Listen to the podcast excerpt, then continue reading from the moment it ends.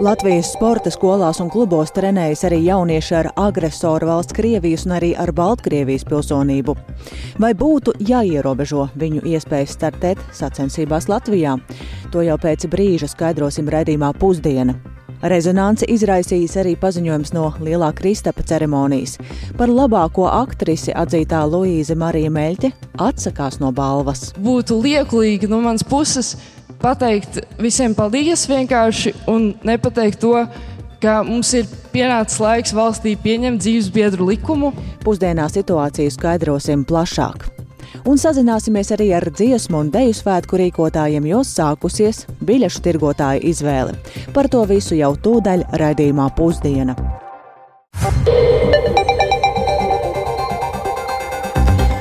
Ir 12,5 minūtes. Esiet sveicināti pirmdienas ziņu raidījumā pusdiena, kurā skaidrosim šodienas, 27. februāra būtiskos notikumus. Studijā Dācis Semenoviča. Un sāksim ar to, ka Latvijas sporta skolās un klubos trenējas arī jaunieši ar agresoru valsts Krievijas un arī ar Baltkrievijas pilsonību. Vai būtu jāierobežo viņu iespējas startēt sacensībās Latvijā? Šāds jautājums ir aktualizējies pēc tam, kad nedēļas nogalē Latvijas atklātajā čempionātā pašmāju klubā startēja peldētāji arī ar Krievijas pasi. Jaunieti gan nestartēja zem Krievijas karoga, turklāt viņi Latvijā uzturas ilgstoši un ir valsts finansētas profesionālās ievirzes izglītības iestādes audzēkni. Latvijas Peldēšanas federācija par šādiem gadījumiem nav runājusi ar Izglītības un zinātnes ministriju, taču tās ieskatā šos jauniešus nebūtu jāšķiro pēc pasēm. Plašāk par šo izveidojušo situāciju interesējās Sintija Ambote, kura pievienojas tiešraidēs. Sveiks, Sintī! Sveicināt! Jā, izstāst vairāk par šo situāciju un par reakciju uz to. Kā tu minēji, tad jā, aizvadītajā nedēļas nogalē Latvijas atklātajā čempionātā peldēšanā Rīgā plecu pie pleca ar mājiniekiem piedalījās arī jaunā Krievijas sportiste, kur gan nav nu pat ieradusies no agresoru valsts, bet ir Krievijas pilsone un, un Latvijas rezidente. Te jāpiebilst, ka savukārt izglītības ministra Anda Čakša no jaunās vienotības šomēnes bija paudus, ka Latvijas sportistiem, kuri piedalās sacensībās, kurās var piedalīties arī Krievijas un Baltkrievijas sportisti, nevajadzētu saņemt valsts finansējumu savukārt. Latvijas Peldēšanas federācijas prezidents Aivars Platonovs vakar Latvijas radio paskaidroja, ka jaunieši šajā situācijā pārstāv tieši Latvijas klubu, viņa nestartē zem Krievijas karoga. Platonovs saka, ka jauniešu sportistu šķirošanu pēc pasēm neveic un kopumā peldēšanā ir 3 līdz 4 Krievijas un Baltkrievijas pilsoņi, kas visi ir jaunāki par 16 gadiem un viņu vecāki jau nu, tātad ilgstoši dzīvojot Latvijā. Varam paklausīties mazliet Platonov teikto. Šajās sacensībās mums ir viena meitene, kas piedalās, un viņa ir Krievijas pasa, bet viņa ir Latvijā akreditētas. Pašvaldības un valsts finansētas profesionālās ievirzes izglītības iestādes sportā audzēkņi. Ja, nu, šeit jau, nu, ja mēs tā sākam skatīties, vai mēs to drīkstam darīt, Īstenībā Izglītības zinātnes ministrija jau finansē šo sportistu treniņus sporta skolā. Ja? Bet es stipri šaubos, ka mums tagad būtu jāpasaka nē pilnīgi visiem ar Krievijas pasēm. Tīpaši, ja tie ir cilvēki, kas šeit dzīvoja jau vairākus gadus, tie ir bērni. Nu, es ļoti ceru, ka viņi cenšas integrēties šajā valstī. Nu jā, par izveidošo situāciju Peldēšanas federācijai nav bijusi kāda saruna ar izglītības ministriju. Vaicāju arī ministrijai, vai ir kādi dati, cik daudz Latvijas sporta klubos ir šādu jauniešu ar Krievijas pasēm. Tad ministrija vēl to informāciju apkopo. Savukārt eh, Saimnes izglītības, kultūras un zinātnes eh, komisijas priekšsēdētājs eh, biedrs Česlavs Batņa no apvienotās saraksta vērtēja, ka katrs šāds gadījums būtu jāizvērtē individuāli un tad saprotot, Kāda tad ir tā sportista nostāja vispār? Eh, varam paklausīties deputātu. Man liekas, ka šeit visu nevar likt vienā maisā, jo, nu, ja mēs tā globāli paskatāmies, arī šie sportisti ir lojāli un nelojāli Krievijas imperiālismu idejai. Un, nu, laikam jāsaka tā, ka izglītības un zinātnes ministrijai ir tā, kas atbild par šo jomu droši vien. Es esmu par individuālu izvērtējumu, jo ir cilvēki arī tomēr lojāli Eiropas vērtībām, nevis Krievijas vērtībām. Jā, un vēl lai saprastu, kāda ir situācija arī citos sporta veidos, sazinājos arī, piemēram, ar Futbola federāciju, un tur man norādīja, ka ir vairāki desmit šādu jauniešu ar Krievijas pasēm, kas tad spēlē arī Latvijas futbola klubos. Bet plašāk par to, ko iesākt šādās situācijās, kāda ir arī izglītības ministrijas nostāja un vai ir vai nav nepieciešams arī kāds regulējums, tad skaidrosim turpmākajās ziņu programmās. Paldies Sintējai Ambotai par šīs situācijas izklāstu, bet mēs turpinām ar aktuālo situāciju Ukrainā. Ukraina naktī piedzīvojusi kārtējos nāvējošos Krievijas uzbrukumus ar droniem. Ukrainas izlūkdienests secina, ka Krievija ir mainījusi savu masveida raķešu triecienu taktiku. Savukārt ASV centrālās izlūkošanas pārvaldes priekšnieks uzskata, ka Ukrainas spēkiem frontē ir jādara viss, lai iedragātu Krievijas vadītāju Vladimira Putina ego. Un par visu plašāk ir gatavs stāstīt Uldis Česbergs, kurš pievienojas man studijās. Sveiksoldi! Jā, sveiki! Uh, Krievija šonakt uzbruka Ukrainas teritorijai ar Irānas piegādātajiem droniem kamikadzēm Shahed un triecienos izmantoja 14 dronus, no kuriem 11 notrieca Ukrainas pretgaisa aizsardzības sistēmas. Diemžēl trīs droni sasniedza mērķus Hmeļnīckas pilsētā valsts rietumos, nogalinot vismaz vienu cilvēku, bet vēl četrus ievainojot. Kopš oktobra Krievija regulāri ir veikusi masveida raķešu triecienus pa Ukrainas civilo un enerģētikas infrastruktūru. Un, ja sākotnēji vienā šādā uzbrukumā izmantoja vidēji 70 raķešu, tad pēdējā laikā masveida triecienos izmantoto raķešu skaits ir mm, ievērojami mazāks. Un Ukrainas aizsardzības ministrijas galvenās izlūkošanas pārvaldes eh, analītiķi uzskata, ka Krievijai ir ievērojami noplakuši raķešu krājumi, kurus eh, agresoru valsts nespēja atjaunot pietiekamā apjomā. Un eh, viņi rēķina, ka mēnesī Krievi spēja saražot ne vairāk par 30-40 jaunām raķetēm. Un Ukraiņu izlūki arī uzskata, ka Krievija ir mainījusi savu masveida raķešu triecienu taktiku. Ja līdz šim uzbrukumi notika pa dienu eh, laikā, kad energosistēmai ir vislielākā noslodze, tad pēdējais masveida trieciens 16. februārī notika naktī un pēc visas spriežot Tā galvenais mērķis nebija energoapgādes objekti, bet gan degvielas infrastruktūra, piemēram, naftas pārstrādes rūpnīcas. Tādējādi Krievija varētu mēģināt pārtraukt degvielas apgādi valstī.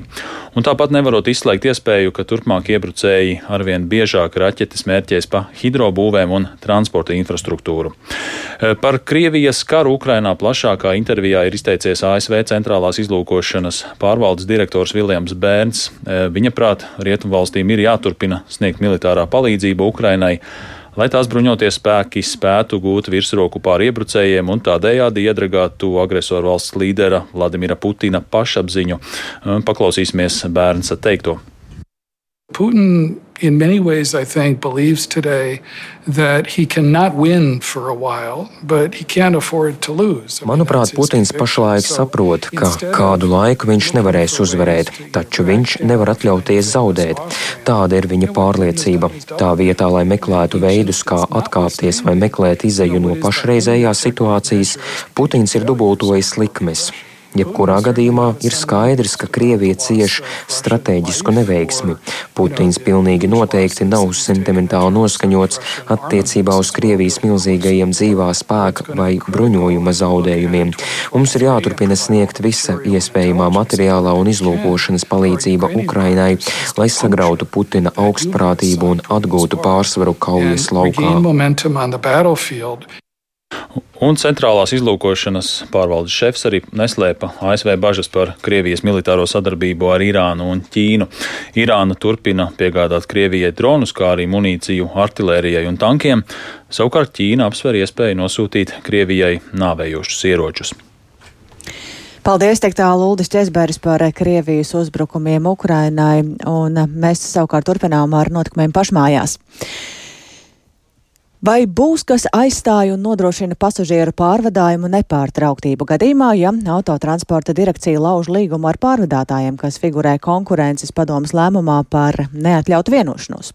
Jāatgādina, ka direkcija šādu gatavību ir paudusi brīdī, kad lēmums kļūs galējs un nepārsūdzams. To šorīt kolēģei Dārai Zīlai sacīja autotransporta direkcijas valdes priekšsēdētājs Kristiāns Godiņš.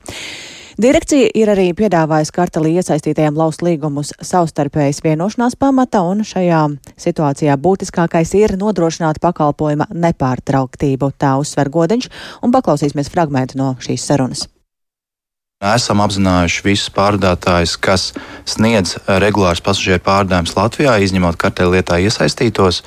Un tā informācija, ko paši pārvadātāji sniedza mums, autobusu skaits, kas būtu nepieciešams, lai apkalpotu tīklu, pārņemot attiecīgi no šī kārtēļa lietā iesaistītiem, tie ir 39% šobrīd autobusu, ko uzņēmumi mums minēja kā pieejamus, kuri netiek izmantot jau esošo līgumu apkalpošanā. Šoferu skaits 13%, bet mēs arī apzināmies, ka šoferi parasti mainoties pārvadātājiem no iepriekšējā pārvadātāja, viņiem tiek piedāvāts darbs jaunā pārvadātāja tīklā strādāt un, un apkalpot šo tīklu. Tā kā jebkurā gadījumā šoferu jautājums ir svarīgs, bet uh, svarīgs ir arī autobusu skaits. Un autobusu skaits, kas ir minēts šobrīd, nepietiekams. Mēs arī esam plānojuši vērsties gan uh, Igaunijā, gan Lietuvā, apzinot arī kaimiņu valstu iespējas un resursu piesaisti. Esat uzrunājuši visus, izskanējuši iepriekš arī pārmetumi, ka nav meklēti pārvadātāji, piemēram, pilsētās. Mēs esam apzinājuši visus pārvadātājus, kas sniedz pakalpojumus, un, uh, ja ir kāds pārvadātājs, kas ir gatavs sniegt un kurš nebūtu uzrunāts, tad noteikti var dot šādu informāciju autotransporta direkcijai. Ja tiešām būs tie līgumi jālauž, cik daudzus maršrutus tas vispār varētu skart? Mums, protams, jāsagaida, kā tiesa vērtēs konkurences padome. Šobrīd savā lēmumā minēs, ka trīs pārvadātāji ir iesaistīti, un šie trīs pārvadātāji sniedz vai sniegs pakalpojumus septiņās lotēs. Un, attiecīgi, no autobusu viedokļa tie ir 450 autobusi, kas ir vajadzīgi, 661 šofers, lai apkalpotu. Nākamais solis, sagaidot arī pirmās instances lēmumu, jau varam virzīties uz priekšu attiecībā arī uz konkursu ja, un plānot konkursu izsludināšanu. Tas, kas mums ir svarīgi, tiešām, lai būtu nodrošināta nepārtrautība Ja būs nepieciešams, tad arī ārkārtējos apstākļos ir arī citi iespējami mehānismi, kā nodrošināt ātrāku pakalpojumu sniedzēju piesaisti. Tikko dzirdējām autotransporta direkcijas valdes priekšsēdētāju Kristiānu Godiņu teikto, un tagad jāteic, ka pretēji Godiņu teiktajam pasažieru pārvadātāju asociācijā norāda, ka valsts nav vērsusies pie visiem pilsētu pārvadātājiem, kuriem šajā briestošajā krīzē būtu liederīga. Un tāpēc šajā brīdī man studijā pievienojas kolēģis Viktors Demīdovs, kurš šajā lietā ir iedzinājies plašāk un arī palūkojies, kā uz iespējamo līgumu laušanu raugās nozarē. Sveiks, Viktor! Jā, sveicināti. Situācija pasažieru pārvadātāja nozarē ir kļuvusi sarežģīta, un kā no autotransporta direkcijas vadītāja Kristiāna Godiņa teiktā var noprast, tad eh, Latvijā situācija ar autobusiem un šoferiem, kas varētu aizvietot karteļa lietā iesaistītos uzņēmumus un attiecīgajās lotēs, jeb eh, reģionos sniegt pakalpojumu, ir dramatiska, un tāpēc valsts izskata iespējas resursus atrast kaimiņu valstīs. Lai gan Godiņš apgalvo, ka direkcija ir uz uzrunājis visus Latvijas uzņēmumus, pretējās domās ir pasažieru pārvadātāju asociācija, kur ir pārliecināti, ka valsts nav uzrunājusi visus komersantus pilsētās. Un tie tā tad ir pilsētas tipa autobusi, kas um, pārsvarā ir zemās grīdas spēkrati, un tie būtu pieejami arī cilvēkiem ar kustību traucējumiem un māmiņām ar bērniem. Un uz to liek paraudzīties uh, asociācijas prezidents Ivo Ošniegs, un tad lūdzu paklausīsimies viņa teikto dotajā situācijā, ja mēs runājam par ārkārtas situācijas eh, rīcībām un palīdzēšanu novēršanu, pasažieru pārvadājumos, tad jebkurš autobus ir liederīgs pakalpojumu nodrošināšanā. Protams, godīgi kunga intervijā šorīt izskanēja, ka lai uzņēmumi paši tad informē autotransporta direkciju, bet uzņēmiem jau ir jānodrošina pakalpojumi, nevis jāinteresējas par to, kur viņi varētu piedāvāt savu pakalpojumu šobrīd. Līdz ar to mūsu skatījumā šī informācija, kas tiek sniegta no autotransporta direkcijas puses, ar šiem skaitļiem īsti objektīva nav.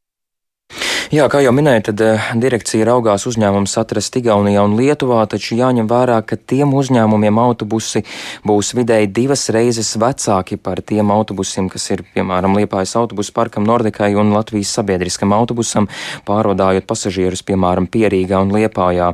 Un pēc noteikumiem šiem un pārējiem pārvadātājiem, kas iepirkumos ir uzvarējuši spēkrati, jābūt līdz piecus gadus veciem. Tāpēc vairākos reģionos pakalpojums iespējams iespējams būs nedaudz zemākas kvalitātes.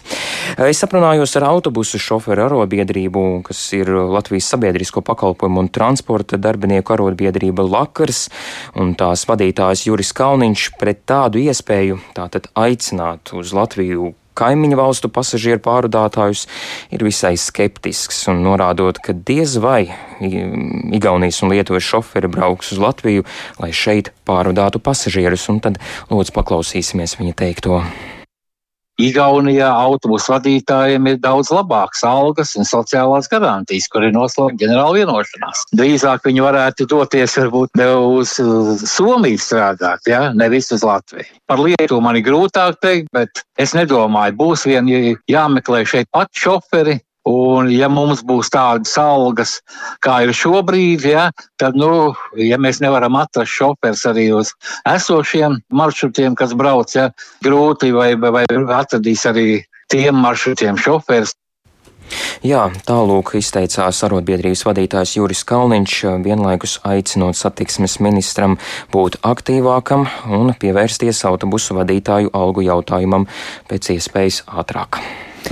Paldies Viktoram Demīdovam, tas par pasažieru pārvadājumiem, bet mēs turpinām ar to, ka plašu uzmanību ir piesaistījusi aktrises Marijas Luīzes Mēļķis rīcība, un viņa Nacionālās kino balvas lielais Kristaps pasniegšanas ceremonijā atteicās no balvas, jo viņai piešķīra to par galveno lomu filmā Neona pavasaris, taču Mēģis sacīja, ka balvu nepieņems, kamēr netiks pieņemts dzīves biedra likums. Ceremonijas dalībnieki Mēģi pavadīja ar stāvu ovācijām. Atbalsts šādai rīcībai ir manāms arī sociālajos tīklos, un par to un arī pašu likumu vairāk ir gatava stāstīt kolēģi Linda Spundiņa, kura pievienojas studijām. Sveika, Linda! Sveika, Data! Sveicināti klausītāji! Jā, jaunā aktrise Marija Luīza Meļķa uzsvēra, ka Nacionālā kino balva ir valsts līmeņa apbalvojums, kas tiek rīkots ar kultūras ministrijas atbalstu, tādēļ lūdzu savu lielā Kristapa statueti nogādāt ministram. Varam paklausīties īsu fragmentu no aktrises runas balvas pasniegšanā. Būtu liekulīgi no manas puses pateikt visiem paldies vienkārši un nepateikt to, ka mums ir pienācis laiks valstī pieņemt dzīves biedru likumu. Man ir ļoti, ļoti žēl, ka es nevaru pieņemt šo lielo kristapu, jo vienkārši tas ir valsts līmeņa apbalvojums par darbu, kurā es attēloju meiteni, kādu realitātē šī valsts atsakās aizstāvēt. Kā jau arī Dārts tu minēji, zālē bija dzirdami skaļi aplausi un sanākušie cēlās kājās. Arī sociālajos tīklos nozares pārstāvji pauda, ka aktrises runa bija spēcīga un trāpīga, un, protams, bija arī pretēji viedokļi, ka no balvas tomēr nevajadzēja atteikties. Nacionālo kino balvu Lielais Kristaps rīko Latvijas kinematogrāfistu savienību un sadarbībā ar Nacionālo kino centru. Un vaicāja arī savienības pārstāvēju un organizatorei Martai Bitei, eh, vai balva tagad tiks nodota kultūras ministram Naurim Puntulim no Nacionālās apvienības. Un viņa sacīja, ka eh, pagaidām eh, savienība šo balvu glabās pie sevis līdz tālākiem lēmumiem. Un arī aprunājos ar kinocentra vadītāju Ditu Rietumu, kas sacīja, ka Latvijas kinematogrāfistu savienībai noteikti nav jābūt kurjeram vai pasta pakalpojumu sniedzējiem, kas nogādā balvu tur, kur balvas saņēmēji, kas no tās ir atteikusies, ir vēlējusies to nogādāt. Rietum vēl sacīja, ka demokrātiskā sabiedrībā katram ir iespēja publiski paust savu attieksmi un nostāju dažādos jautājumos, un, kā viņi arī saka, daži sabiedrības locekļi, kuri nonākuši starmešu gaismā, izmanto platformas, kurā var gūt plašu publicitāti un demonstrē savu nostāju kādā konkrētā jautājumā. Un šis arī ir jaunās aktrises Meļķis gadījums uz lielā Kristaps skatuves sacīja rietumu. Nu, katrā ziņā šis gadījums ir piesaistījis uzmanību, vai tas ir tāds pirmais, vai ir jau bijuši gadījumi, kad kāds atsakās no kultūras balvas? Um, jāteic, ka Latvijā par balvas saņemšanu tieši kultūras nozarē iespējams, ka nekas līdzīgs nav noticis. Vismaz gan apta, aptaujātie, gan uh, kolēģi kultūras žurnālisti neko tādu neatminas. Taču Latvijā ir bijuši gadījumi, kad atsakās no trīs zvaigžņu ordeņa, un uh, ar to ir izdarījis arī Al, režisors Alvis Hermanis, gan arī literāte Lidija Doroņina Lasmana. Kritiķa Dita Rietuma stāsta, ka pasaules kontekstā no Amerikas Kinoakadēmijas balvas Oskars savulaik atteicies Marlons Brando 1973. gadā. Tādējādi viņš protestēja pret to, ka Amerikas kino industrija uz ekrāna attēlo, kā attēlo Amerikas pamatiedzīvotājus, kas nozīmē, ka šādi precedenti gan ir bijuši. Un ko šis aktrises paziņojums nozīmē pašai kopienai kā, un tās tiesībām, kā tā ir reaģējusi? Jā, nu, es sazinājos ar kustības dzīves biedrību vadītāju Kasparu Zālītu, kurš sacīja, ka kopienai šis paziņojums sniedz tādu kā mugurkaulu sajūtu. Varam paklausīties. Šorīt no rīta es modos ar ārkārtīgi daudz ziņām, un es redzēju, kā vakardien kopiena arī uztvēra šo paziņojumu, lai cik tas arī nebūtu grūts. Tas deva tādu, ziniet, mugurkaula sajūtu, ka ja politiķi neiestājās par mums, tad mēs redzam, ka daudz citu sabiedrības cilvēku arī iestājās par mūsu tiesībām, par, eh, par līdztiesības mūsu sabiedrībā. Atcerēsimies, ka nu jau ar dažādiem nosaukumiem virzīt likumprojektu saimā, kas aizstāvētu visu ģimeņu tiesības, un pērn visa gada garumā parlamenta dienas kārtībā tika iekļauts, skatīts, diskutēts un arī noraidīts un izņemts atkal iekļauts eh, civilās savienības likumprojekts, un eh, tas paredzētu, ka divas pilngadīgas personas pie notāra varētu reģistrēt savu kopdzīvi. Eh, tādējādi pāris būtu redzams valstī gan tiesiski, gan ekonomiski, gan arī sociāli. Uz to, ka Latvijai jārod veids, kā aizsargāt aizsargāt visas ģimenes, eh, jau arī pirms laika ir spriedumā sacījusi un norādījusi satversmes tiesa. Eh, tomēr 14. saima nepārņēma no iepriekšējā sasaukuma civilās savienības likumprojektu, tad sekoja citas in iniciatīvas, tostarp pilsoņu parakstu vākšana, taču arī to noraidīja parlaments, un kas par Zālīti saka, ka process virzās lēnām uz priekšu. Viņš cer, ka aktrises paziņojums būs vēl viens signāls politiķiem, ka vajadzētu sākt pieņemt sabiedrībai svarīgus lēmumus. Zālīts saka, ka labā ziņa ir tā, ka valdības rīcības plānā visu ģimeņu aizsardzība ir ierakstīta, un kopienā, kopiena ir vairākus priekšlikumus arī nodevusi valdībai, un cer, ka pēc budžeta pieņemšanas koalīcija šo jautājumu varētu skatīt. Taču šobrīd jau zināms, ka 35 pāri tiesas priekšā ir atzīti par ģimenēm, un šis process arī turpinās sarunās. Paldies Lindai Spundiņai tas par um, rezonanci, ko raisījuši notikumi Lielā Kristapa ceremonijā, un mēs turpinām ar um, citiem svētkiem, kas vēl priekšā, proti Šorīt ir noslēgusies eh, piedāvājuma iesniegšana dziesmu un deju svētku biļešu tirgotājiem. Termiņš bija pagarināts, jo viens no pretendentiem iesniedz sūdzību par atsevišķām pozīcijām.